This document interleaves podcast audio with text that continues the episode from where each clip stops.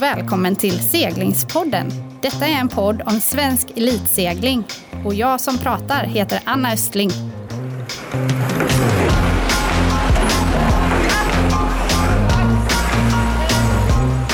Just detta avsnittet gör vi ihop med Sve Sailing Team. Vi gör djupdyk ner i landslaget och får lära känna våra seglarstjärnor närmare.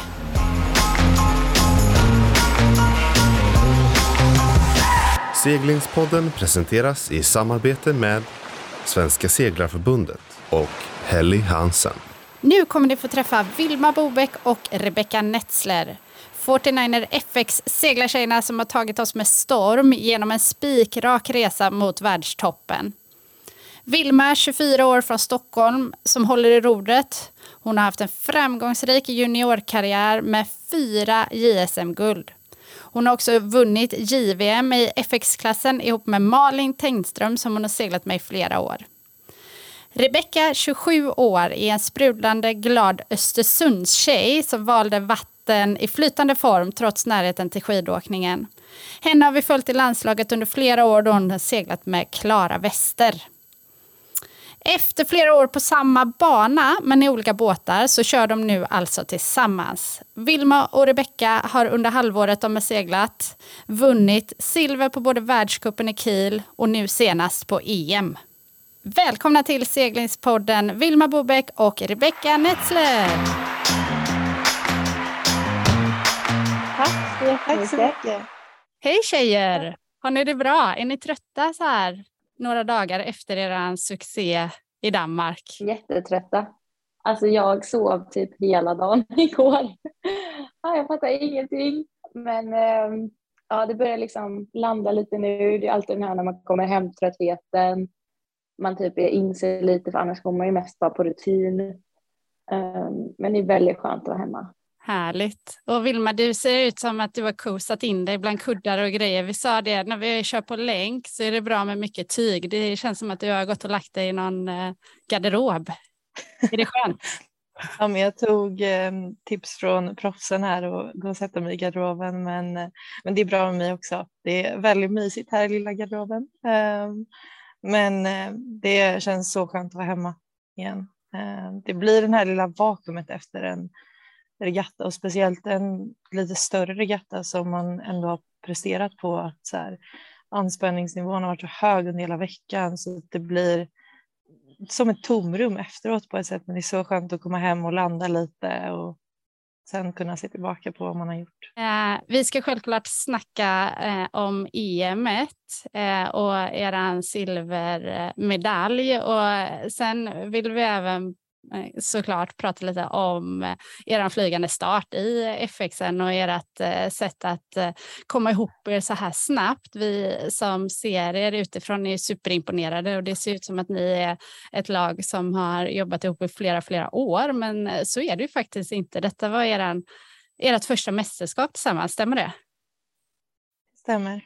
Ja, Wow! Alltså är ni på någon sån här eh, smekmånadsmoln och eh, flyger tillsammans? Eller har ni liksom, eh, känner ni att ni också har jobbat länge eller är det nytt? Hur känns det? Nej, men det är väl kanske det som är så konstigt på ett sätt. För vi har ju inte kört ihop så länge eh, när man faktiskt kollar på det och det slår oss varje gång som vi seglar ihop. Och, ja, men bara nu under EM också så hade vi en dag när vi skulle göra en manöver och jag hade en idé och Rebecka hade en annan idé om hur vi skulle göra den här manövern och så blev det lite miss i kommunikationen och vi sa efteråt så här, ja vi har ju faktiskt aldrig gjort det här tillsammans förut så det är inte så konstigt att det blev fel.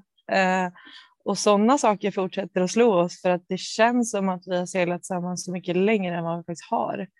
Eh, just för att vi från början och från start egentligen har varit så himla raka och öppna och ärliga och tydliga med vad vi vill. Eh, så att det har funkat otroligt bra från början. Ni har ju kommit från olika team innan där man också drar lärdomar och sådär såklart. Men eh, hur, hur blev ni ihop liksom? Var det en bra första dejt? Tränade ni hemma eller hur, hur, hur gör man när man hittar ett nytt team? Ja, alltså när jag och Klara bestämde att vi skulle sluta så var jag lite så, jag visste inte riktigt vad jag ville göra, om jag ville fortsätta eller inte. Vilma pluggade ju då i Luleå Så att hon hade ju också tagit en ganska lång paus från seglingen. Så um, jag var, alltså, tog väldigt lång tid på mig liksom för att vara mig då uh, och fundera på vad jag ville göra. Men till slut så ringde jag Vilma och hade ett ganska lustigt samtal.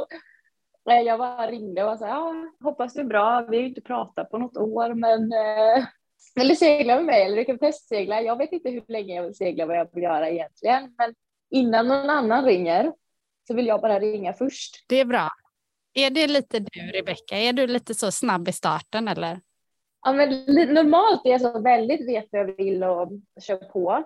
Men då var jag så himla osäker efter att ha kommit och seglat så länge med Klara. Då var det lite så här, man blir tagen ur sin comfort zone och var så här, okej, okay, nu måste du stå på helt egna ben. Vad vill du göra? Mm. Eller vad vill jag göra? Och då var jag tvungen att ta ganska lång tid och inse liksom, vad vill jag egentligen? Nu står jag inför lite av ett vägskäl. Vill jag hoppa av seglingen och göra någonting helt annat eller vill jag fortsätta? Vill jag byta klass eller sådär? Men sen så bestämde jag och Vilma, okej, okay, men vi testar. Och så körde ni här ner... Eh, hemma i Sverige först, lite träningar eller? Ja, alltså du vet, vi var så hemliga och ville inte att folk skulle få veta egentligen att vi testade, för vi ville inte innan vi själva hade bestämt att det skulle liksom bli ett skvaller. Så att vi, ja, så att vi då åkt, tog vårt pick och pack och åkte ner till Skåne och så seglade vi Skanör i fem dagar. Det kändes bra. Ja. Och då tog du liksom, eh, pausade du då Vilma ditt eh, plugg och bara kände nu kör vi igen? Ja, eller det, det var ju så lustigt när Rebecka ringde mig för att jag var ju också så helt chockad egentligen eh, när jag fick frågan. För att jag tog en lite längre paus från segling och speciellt från FX-segling för att lista ut vad jag ville. Och så hade jag, Rebecka ringde mig i höstas och jag hade under våren innan där börjat fundera ändå så här, ja men jag är nog inte färdig, jag vill nog ta mig tillbaka men måste hitta rätt person att segla med. Typ. Och då när jag bara lekte med tanken så tänkte jag så här, okej okay, men om jag får välja fritt så skulle jag vilja segla med Rebecka men det går ju inte för hon kör ju med Klara. Uh, så när hon ringde så var jag så här, okej okay, jag vet ju vad jag egentligen vill. men ja, det är inte så mycket som ska klicka för att det ska vara värt det med tanke på all tid vi lägger ner och de resurser vi lägger ner och att det inte bara på vattnet det ska funka utan det ska funka på land och vi bor mycket ihop och det är väldigt många delar som ska falla på plats för att det ska vara kul. Ehm, ja. Men så sa vi då att vi skulle ta en två veckors testperiod i Sverige och alltså jag kommer så starkt ihåg att vi på inseglingen från första passet ihop jag tror att det var Rebecka som bara lyfte frågan om okej okay, vad ska vi ha för segelnummer? som att det var självklart, för att det var så självklart. Ja. Eh, och dagen efter så satte vi oss ner med eh, vår coach och var så här okej okay, vad är viktigt för mig i ett team? Vad är viktigt för dig i ett team? Just med tanke på att vi har så mycket erfarenhet på skilda håll från tidigare satsningar om vad som funkar och vad som inte funkar och vad som är viktigt just för att det ska funka långsiktigt.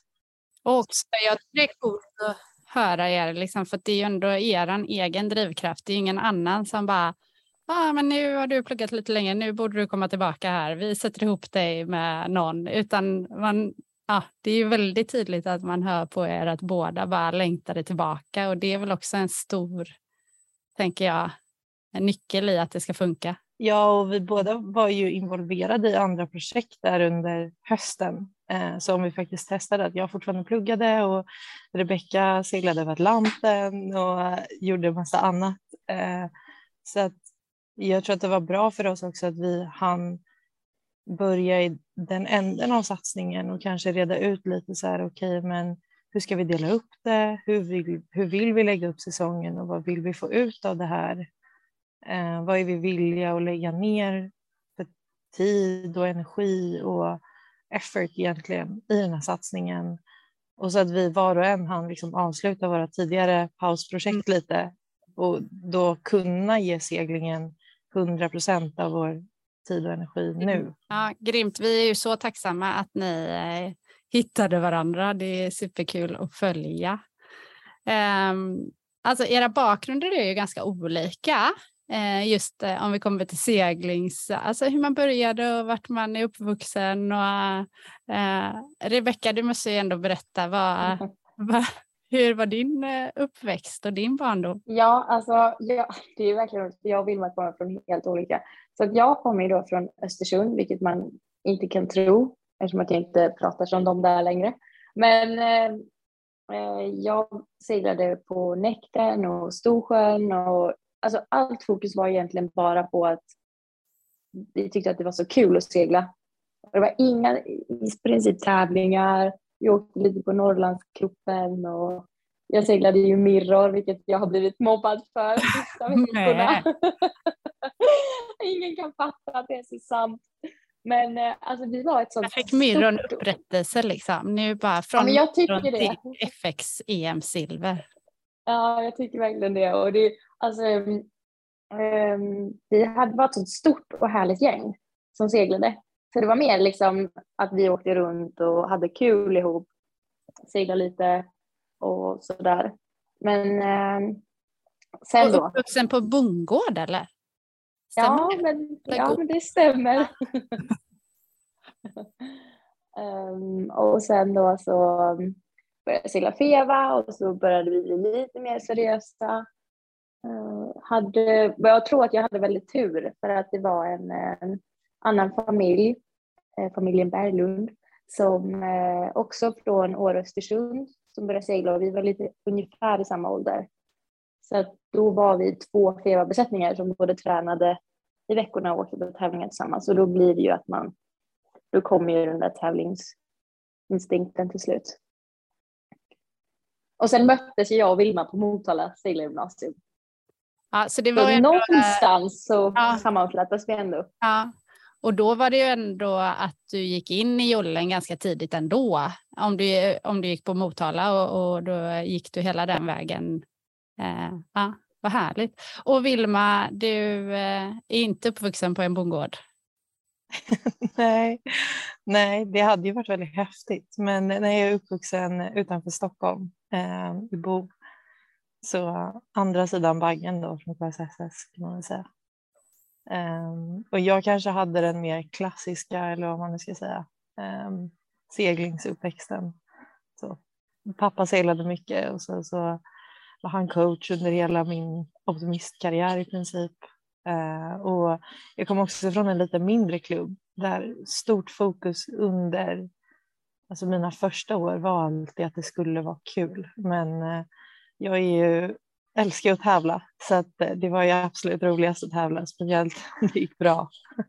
Det kan jag tyvärr inte ljuga med. Så. Men du var duktig som väldigt ung på resultat. Ja, men jag tror inte att jag tänkte så mycket på det där och då för att jag tyckte alltid att det var någon som var bättre. Eh, men jag har ju en stora syster som också seglade så att eh, när hon fortfarande seglade så var ju mitt största mål att slå henne. Eh, och när hon inte var kvar i Optimisten så var det att slå killarna i klubben. Eh, så att jag, jag drevs nog hela tiden av att hela tiden vilja bli bättre. Eh, stannade väl kanske inte upp så mycket och tänkte om jag var bra eller inte bra utan Framåt, framåt. Men nu när vi har, nu har vi inte kommit så här superlångt in i den här podden, men det är ju väldigt slående att väldigt många av dem som eh, håller i och faktiskt eh, eh, ja, det, alltså det är kärleken till sporten och det spelar inte så jättestor roll hur man kommer in i det och hur, eh, hur liksom, vad man gjorde för resultat när man var liten. Nu är ni, har ju väldigt olika bakgrund och olika sätt att ha kommit in i seglingen kanske, men eh, det är många som följer dina spår där, Rebecka. Eh, att eh, ja, har man bara den här kärleken till, till sporten och en annan familj som är rolig att åka runt med så kan det ta en väldigt, väldigt långt. Det är coolt. Mm. Det är det som är det fina tycker jag också. Att eh, det finns ju verkligen runt oss hela tiden. Mm. Men är ni, alltså man tänker ju på er nu då som ett eh, riktigt dream team, även fast ni bara seglat det här i stort sett nästan halvåret ihop. Men eh, sociala medier, ni liksom eh, ser ut att ha kul. Eh, ni har redan eh, en eh, grym trailer ni åker runt med. Ni har skaffat er en logga, så ni har varit ganska målmedvetna från början kan man ju se. Eh, är, ni, eh, är ni olika eller är ni lika i ett team? Alltså det där var en jättesvår fråga för att det är så många punkter vi är väldigt lika. Eh, men vi är också såklart olika. Men när det kommer just till den här, okej okay, vi vill ha ordning och reda från början och vi vill att det ska synas att vi är ett starkt team. Hela den bilden vill vi lite ska smitta av sig. Eh, så att det är liksom syns att här går vi in helhjärtat för någonting och vi tror verkligen på oss själva. Och ni har gjort det tillsammans? Mm. Mm. Vi hade ganska liknande målbild på hur vi ville att det skulle se ut och nu har det blivit långt över förväntningarna och vi är otroligt tacksamma att vi har så många kreativa personer runt oss och eh, personer som tror lika mycket på oss som vi gör på oss för det är lätt att tro på sig själv. Eh, så men om du, ja, Vilma, om du beskriver Rebecka, hur är hon? Rebecka är väldigt energisk, eh, väldigt målmedveten och driven. Ehm, och väldigt så utåt person. Väldigt lätt att prata och lätt att säga vad hon tycker och tänker, vilket jag uppskattar väldigt mycket som bara vill veta hur, hur hon vill ha det så att jag vet om jag behöver anpassa mig eller inte. Ehm, men ehm, väldigt, väldigt mycket glädje sprudlar ut. Rebecka är väldigt energifull. Och för oss som undrar nu när Rebecka håller liksom lite låg ton här i podden, så är det för att hon, vi ser ju inte det, men hon är barnvakt så hon har en bebis på ett halvår som hänger i en sån här babybjörn på henne. Annars eh, skulle jag nog kunna tänka mig att du hade stått uppe och hoppat lite i soffan mellan frågorna här. Är du bra på att sitta still, Rebecka? Alltså, nej, jag tänker ändå nu att jag ska vänta en sekund extra med att prata så att jag inte hela tiden nappar in. Jag då ge Vilma lite plats också? det var ju gulligt av dig. Vilket team! Ja. ja. Och den här bebisen sov ju så det verkar ja, det var en väldigt... team effort. Och vi kan ju förtydliga också att det inte är din bebis. Eh, nej, precis. Ja. Det kanske är viktigt att Men säga. du gör ett fint jobb. Jag ser dig här på Zoom-skärmen. Rebecka, du får beskriva Vilma då. Alltså, jag tycker det är så häftigt hur, ehm, hur Vilma tar för sig på vattnet och är ehm, så otroligt framåt. Och inte, alltså vi som känner Vilma vet ju att hon är otroligt eh, tävlingsinriktad och vill vinna och en ganska dålig förlorare. Men trots det så klarar hon av på vattnet att vara alltså, skita i när hon gör fel på vattnet. Och det kommer i så fall kanske i kapp här på land. Sen att hon kan vara lite tjurig på att hon gjorde ett misstag som den här på EM nu till exempel. Jag tycker det var så coolt när hon bara ah, jag är så besviken på det och det. Och jag bara, det var två grejer på sex dagar. Alltså ja. jag tror du liksom chilla, det är okej. Okay. Och ja, och när vi seglade så kunde vi också göra ett misstag såklart som man gör, speciellt när det är frånlandsvind. Och då var det så bara, okej, okay, eh, det gick inte som planerat, nu ska vi se, hur ska vi ta oss runt? Och så bara på något så Mario Kart-sätt så bara tar hon oss genom hela banan och allting. Så att den här mentala styrkan, eh, den är jätteimponerande tycker jag. Uh, och så, ja men, alltså drivet och insatserna till vår kampanj just nu är helt sjukt ibland så får man så här, Vilma, ring inte, nu har vi ledigt, chilla. Ja, det är bra. Ni får påminna ja. er om det ibland. Om ni ska ja. åka i längden. Å andra sidan är det ju jädrigt roligt att köra på när man har energin och liksom, det finns inget stopp. Det kan man se på er. Det är himla gött att se faktiskt. Jag, fick... ja, jag försöker pusha på här nu för ledighet lite i höst. Ja, det är bra. Jag är lite ledighetsansvarig just nu. Ja, det, Härligt. Uh, jag, jag undrar också, uh, Vilma, din kärlek till något annat än havet, undrar jag var den kommer ifrån, nämligen din kärlek till Excel. nu skrattar de här båda två.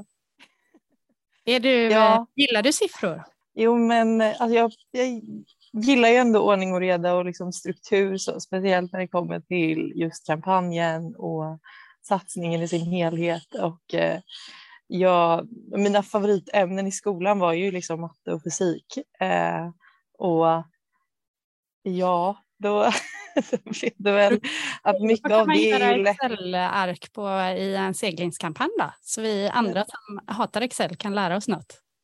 Eh, ja, men du kan ju göra typ allt i Excel. Har du något exempel? Nej, men vi har ju alla våra dokument och allt som vi strukturerar upp till eh, kring satsningen. Allt från liksom, planering och schema till budget till eh, vårt material som vi ska hålla koll på nu när vi skickar saker över hela världen. Och allt däremellan eh, har ju vi på Excel. Eh, det låter som en dröm för en förbundskapten. Ett team som har koll. Ja, vi försöker. Annars så blir det lätt att vi själva blir stressade om vi inte har koll och saker faller mellan stolarna. Så att, eh, det, Jag kan ibland uppleva att vår koll och vår vilja att vara liksom framtid, att ha ordning, ibland kan liksom förstöra lite för oss. Och det är så här, ah, vem ska köra dit? dit Okej, okay, det är tre månader framåt. Det kommer nog hinna ändra sig. Vi, vi behöver inte lägga tid. Ja, men alltså. Det låter som ni kompletterar varandra rätt bra tjejer. Ja, men det jag tror jag inte vara mer nöjd med våra Excel. Alltså, jag gillade ändå Excel innan, men de har ju tagit en helt ny nivå. Ja, vi vi nu. kunna ta del av några mallar kanske. Ni kanske kan sälja ja. dyrt till eh, övriga seglare och tjäna pengar så ni kan åka på era tävlingar. Ja, det är faktiskt ingen dum idé. vi får se vad som händer i framtiden. Det vet man aldrig.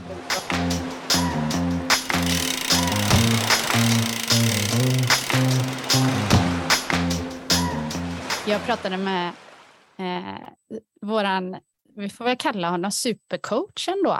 Vi har ju en, eh, en eh, väldigt framgångsrik eh, svensk eh, kille som coachar och bara dröser in medaljer och han är med nu och det vi har pratat såklart om Viktor Bergström.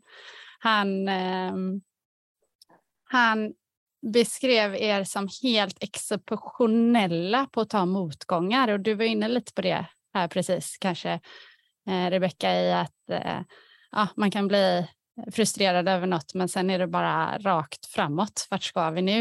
Eh, håller ni med honom? Absolut. I Palma var han till och med lite irriterad att vi inte var irriterade efter att vi hade kapsejsat en tredje gång på samma dag. De, han skrev så här eh, att eh, han var tokförbannad och blev helt ställd för han visste inte hur han skulle bete sig och hantera situationen när ni kommer fram och eh, är, är glada och garvar åt eländet.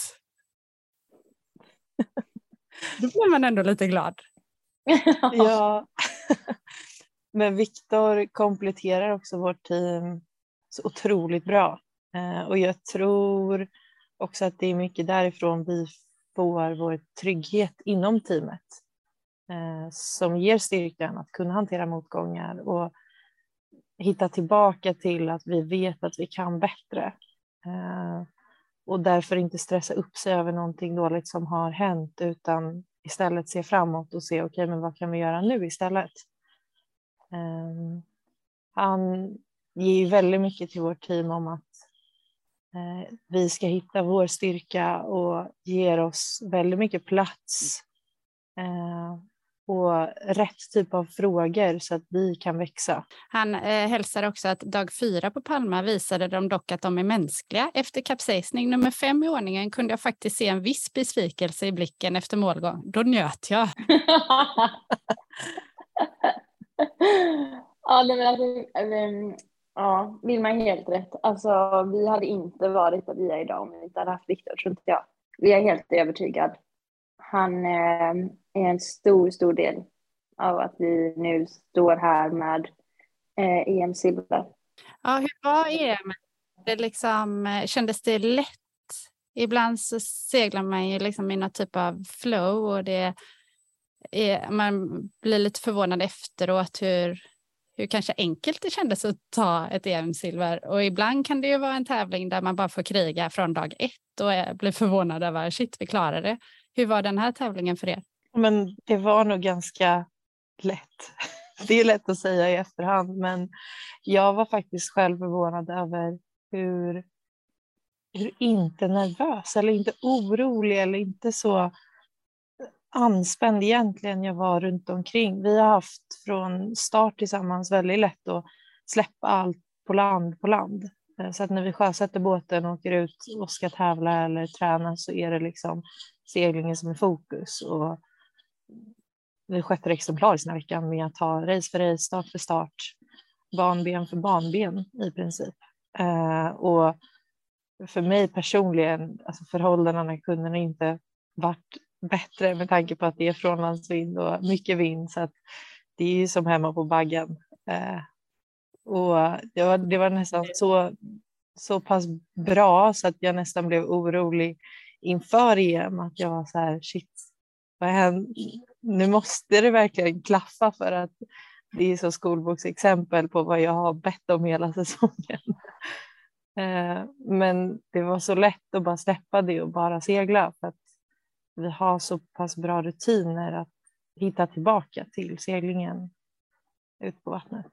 Um, ja, det är det... spännande att höra. För de grejerna, om man gör samma sak varje gång så ja, går hjärnan in i leverans och vad man ska göra och blir kanske inte så distraherad av alla tankar på att åh, nu borde det vara mitt EM eller vad man nu egentligen kan råka tänka ibland. Nej, och jag tror vad vår styrka är att vi är så um, säkra på oss själva och så respekt för varandras styrkor och lyfter varandra och har funnit det här sättet att lyfta varandra eh, under så pass kort tid. Just för att vi, jag tror att det var för att vi la hela hösten egentligen. Vi började inte segla förrän eh, liksom början på februari medan hela hösten så gjorde vi ganska mycket grundarbete. Vi hade möte en gång i veckan bara för att känna att det är det här vi kan göra nu. Vi kan inte segla, vilket vi kanske egentligen hade velat, men vi har allt annat runt omkring. Så nu är tiden vi kan göra det tråkiga, eller vad man ska säga, som liksom blir kul till slut, men där och då kanske inte alltid är det man vill göra. Det är lätt att åka ut och eh, köra någon timme eller två på vattnet. Men att faktiskt sitta och prata och kanske prata om jobbiga saker också.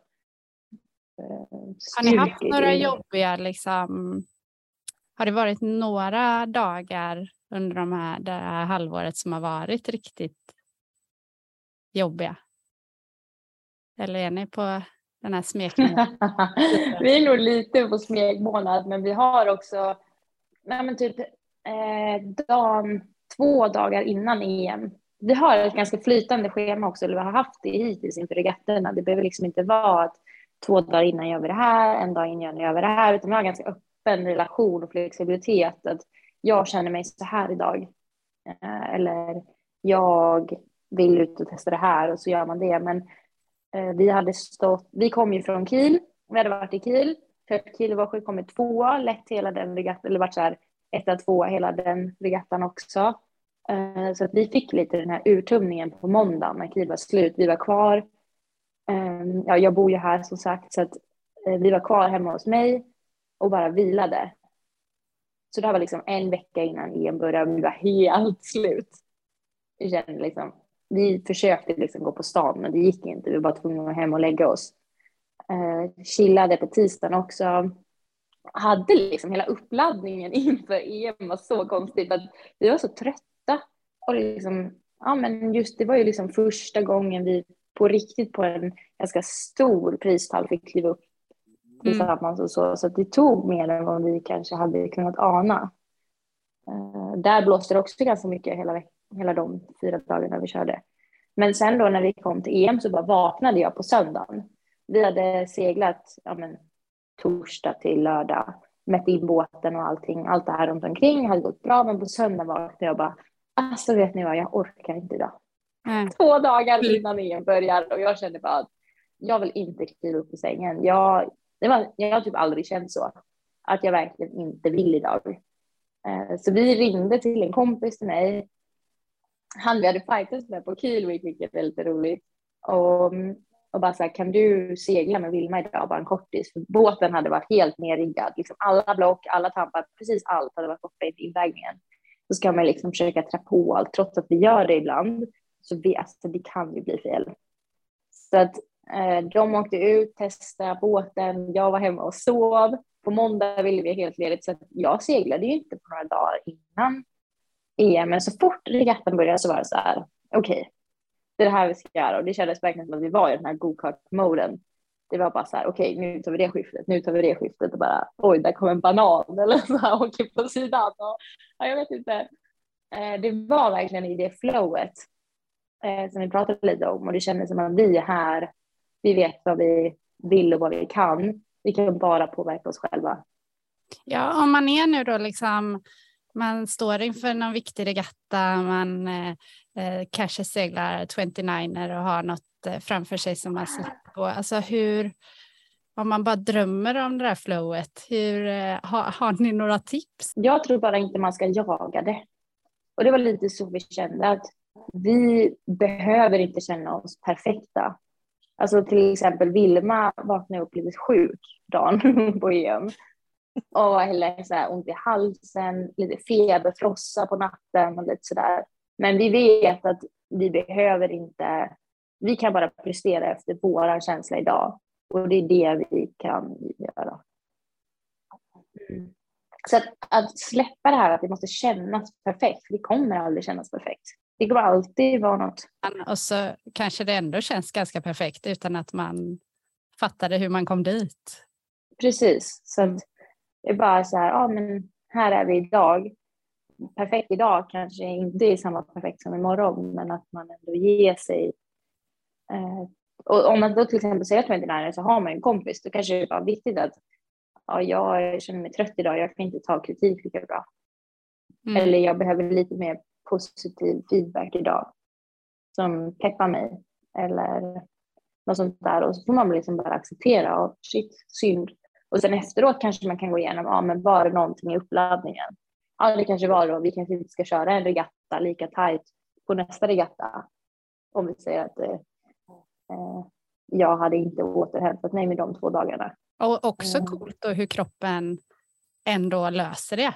Alltså ni mm. löste ju, jag kan ju förstå att ni är extremt trötta nu och det är bra att du är sån eh, semester och återhämtningsdirektör här nu då Rebecka så att ni verkligen håller er plan och vilar. Vad är nästa steg nu för er? Nästa grej för oss är um, träningsläger i Marseille där OS kommer seglas på samma vatten. Eh, så vi kommer åka ner med hela landslaget eh, nästa vecka. Och, på onsdag. Så en vecka att fulladda och sen är vi på det igen. En vecka raklång. Ja. ja. ja. Och det är egentligen den alltså, första och sista träningen som vi kommer få till på OS-vattnet under samma period som OS ska seglas om två år. Eh, med tanke på att nästa år så har vi ett VM som krockar. Eh, okay. Som är det första OS-kvalet också. Eh, Viktigt nu att förstå förhållandena. Och...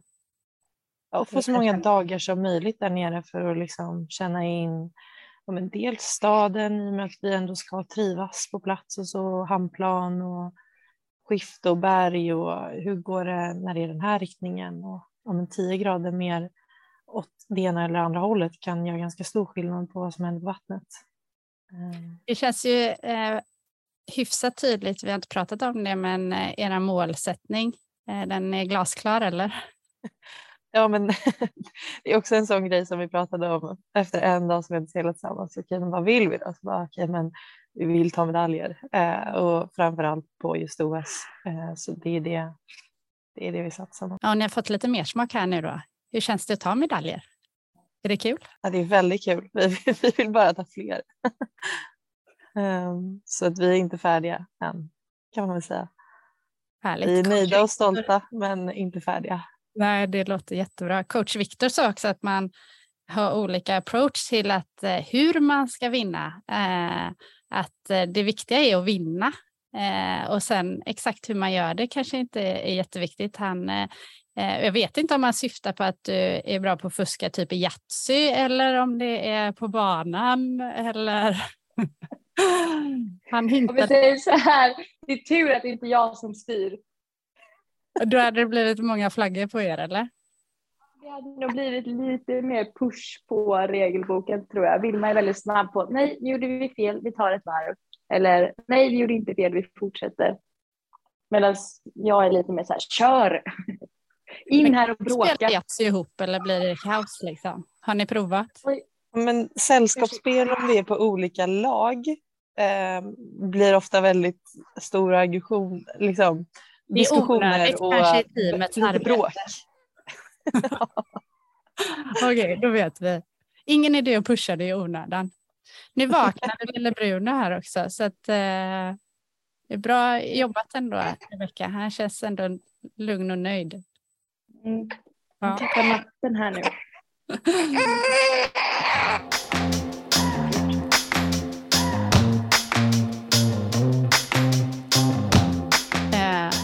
Okej, Vilma, vi har mutat Rebecka här nu för att hon är barnvakt. Så nu, eh, nu har du din chans att säga vad du vill här på podden. Nej, jag skojar bara. Men du, hur, eh, jag tänkte på det, ni satte er ihop och liksom så här, det här vill vi göra. Och en stor fråga i det, hur, eh, hur funkar det? Hur finansierar ni en sån här satsning? Hur mycket jobb är det vid sidan av seglingen för att få det att gå ihop? Det är ju tyvärr eh, den kanske vissa tycker tråkigare delen eh, och eh, också för oss nu halvvägs genom säsongen så var budget redan slut. och det är den eviga ekvationen som aldrig går ihop kan man väl säga.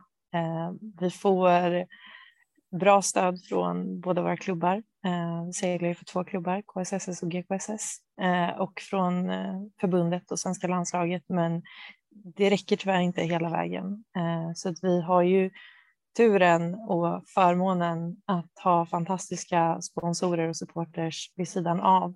Eh, och bland annat så har vi fått ett eh, släp av Björklund Bygg eh, som vi kör omkring alla våra saker i. Att... Man blir så här glad. Alla som gillar ordning och reda måste ju älska ert släp.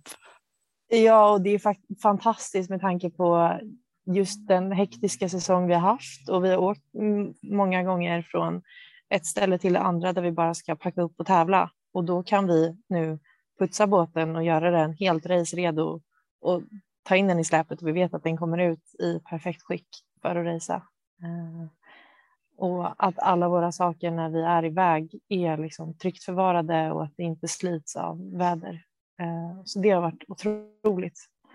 Eh, och sen har vi nytt material i år och det är aldrig lätt att få gå ihop och det är väldigt dyrt att köpa nytt. Ehm, så vi har fått en sponsor som heter Vencom som har köpt alla våra segel i år Eh, vilket också gör att vi nu på EM kunde ha nya segel och slipper köra med de gamla trötta.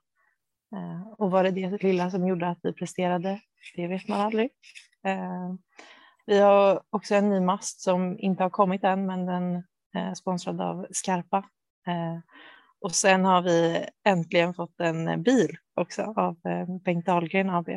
Så att eh, vi är kittade med mycket vid sidan av. Eh, Ja, men det, är, är också, det är lätt att se liksom, wow, det ser stort ut och man tror att eh, eh, seglingen är liksom, och ni som seglar på heltid eh, gör det liksom med, med de förutsättningarna som man kanske eh, egentligen behöver. Men jag vet ju också att så är det inte och det är ju egentligen kanske så att man behöver jobba lite vid sidan men det finns inte tid till det. Och, eh, men det är ju någonstans en fantastisk resa man får vara med på. Man får offra vissa delar och man kanske inte ja, spenderar så mycket heller. Eller hur funkar liksom din work-life balance? Ja, eh, inte optimalt. Eh, vi, får ju, vi har ju på något sätt fått seglingen och den ekonomin att gå runt i år så att vi klarar oss när vi är iväg hittills. Eh, vi får se hur vi löser hösten. Det är ännu ett så problem vi inte riktigt tänker på än. Eh, men eh, privatekonomin är väl det som blir lidande. Eh, just för att De här vi... bitarna som gör typ att man inte orkar.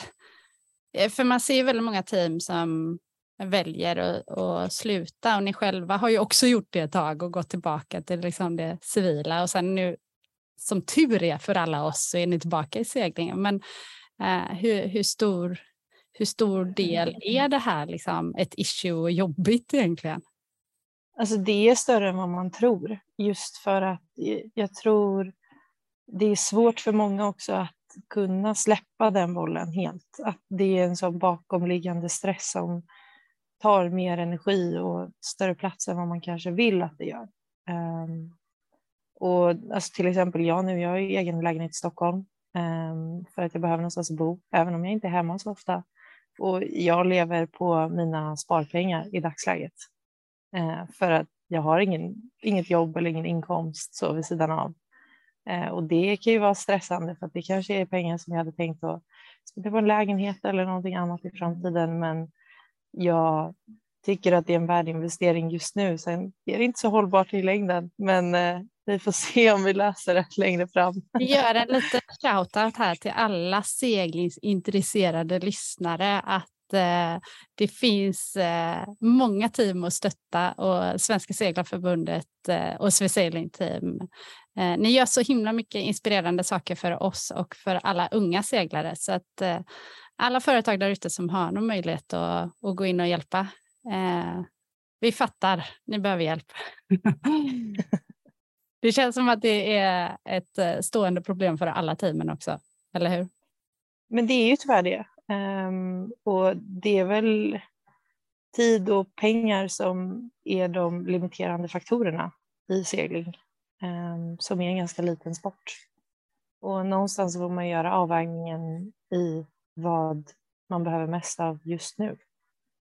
Um, och med tanke på vår situation att vi gick in i den här satsningen väldigt så, okej okay, vi har två år liksom knappt och bli så bra som vi vill bli för att kunna prestera på OS. Um, ehm, så tid är det vi inte får så mycket mer av så då får vi göra det vi kan med de pengarna vi har eh, helt enkelt och se hur långt det tar oss. Har vi några fler nu om ni bara uppdaterar oss lite liksom eh, på FX-klassen? Ni var ju väldigt många lag eh, ett tag. Eh, Var liksom, hur, hur ser det ut för, i Sverige? Ja, vi, vi är tyvärr de enda i landslaget i dagsläget i FX. Um, ehm, men vi har ett väldigt starkt um, upcoming, um, som de kallar det, Swiss Sailing Challengers eh, lite så ungdomslandslaget. Där har vi i nuläget fyra båtar. Stämmer det? Kul. Tror det. Vi får dubbelkolla det ja. efteråt kanske. Ni är sådana superinspiratörer för de här yngre seglarna också, är jag helt, helt övertygad om. Det är Jättekul att få höra på liksom er väg framåt. Och nu, eh, vi kanske kan ta ett nytt snack typ om ett halvår där vi ser om den här eh, smekmånaden är kvar eller om ni liksom har fått gå på några törnar. Har ni liksom, snackar man om sånt innan eller kör ni bara liksom dag för dag? Eller har ni, liksom, har ni liksom gått igenom vad händer har ni sådana worst case scenarios och hur ni tacklar varandra om det blir jobbigt? Jag tror att det är därför vi inte har haft några stora problem hittills. För att vi just lyfter problemen innan de blir problem. Mm. Att vi har inga problem. Vi har, det är inte tufft eller fel att säga till varandra att så här, jag mår inte bra idag. Eller jag stör mig på den här saken. Kan du snälla ordna det? Eller sånt så att vi är väldigt så, har lyft tidigt att vi upp, ja, men, behöver öppenhet och rakhet och ärlighet för att den ska funka. Och jag tror också att det är det att vi tar problemet innan det blir något stort åskmoln kan man väl säga. Det är en väldigt bra mm. lärdom och någonting som många kan ta med sig tror jag oavsett om man sitter i ett team tillsammans eller i arbetslivet eller i en familj.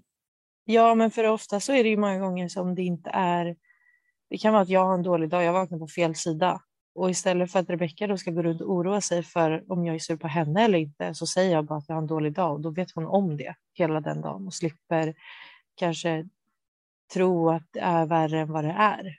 Mm. Um, på Måste samma sätt som att jag bara ja, men kanske få en extra kaffe så. Mm.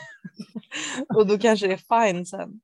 Um, Man vill liksom vara med. Som Rebecka var trött häromdagen inför EM och bara sa det. Att så här, ja, men jag orkar ingenting idag och det är fine. Jag kan segla själv så länge jag hittar någon annan för dagen. Ja. Um, och att det inte blev en större grej och det vart inget större orosmoln för att jag vet att säger hon ifrån så behöver hon den här dagen och redan mm. på kvällen eh, så var vi på grill hos Nackrahuset och då var hon tillbaka till sitt gamla vanliga jag istället. Så att hon behövde bara några timmar extra sömn eller kolla på Netflix eller vad som helst. Så att, Ni låter eh, som ett så här härligt, eh, strävsamt, ändå ganska nyförälskat par. Det är mysigt. Det är väl det man blir. Ja.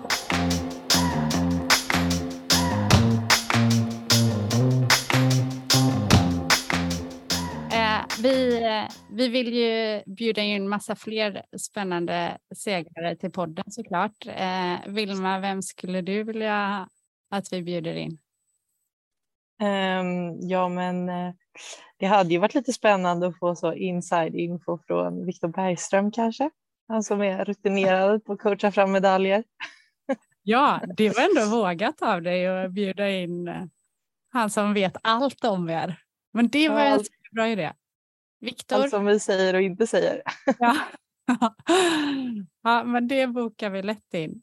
Rebecka, har du någon uh, sån som du skulle vilja höra? Jag tycker hela det här nya med fyrskjutning är väldigt intressant.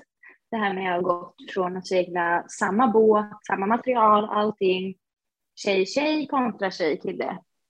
Så jag hade nog tyckt det varit kul att lyssna lite på Lovisa Karlsson om hon känner skillnaden är än så länge. Och för det blir ju en helt ny typ av båt fast det är samma båt.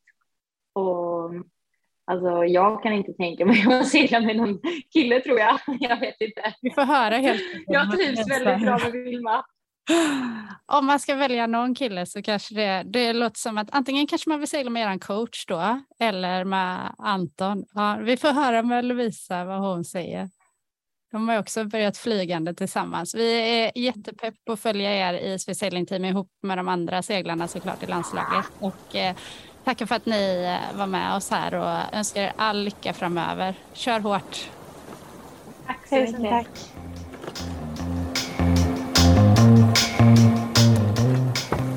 Åh, vilka goa tjejer. Man vill ju lätt vara med som maskot i deras väska och få åka med på resorna, lära sig allt om Excel och hur man seglar FXen snabbast av alla. Tack för att ni har lyssnat. Vi hörs igen om två veckor. Då gästas vi av James Pleasence, VD på World Match Racing Tour.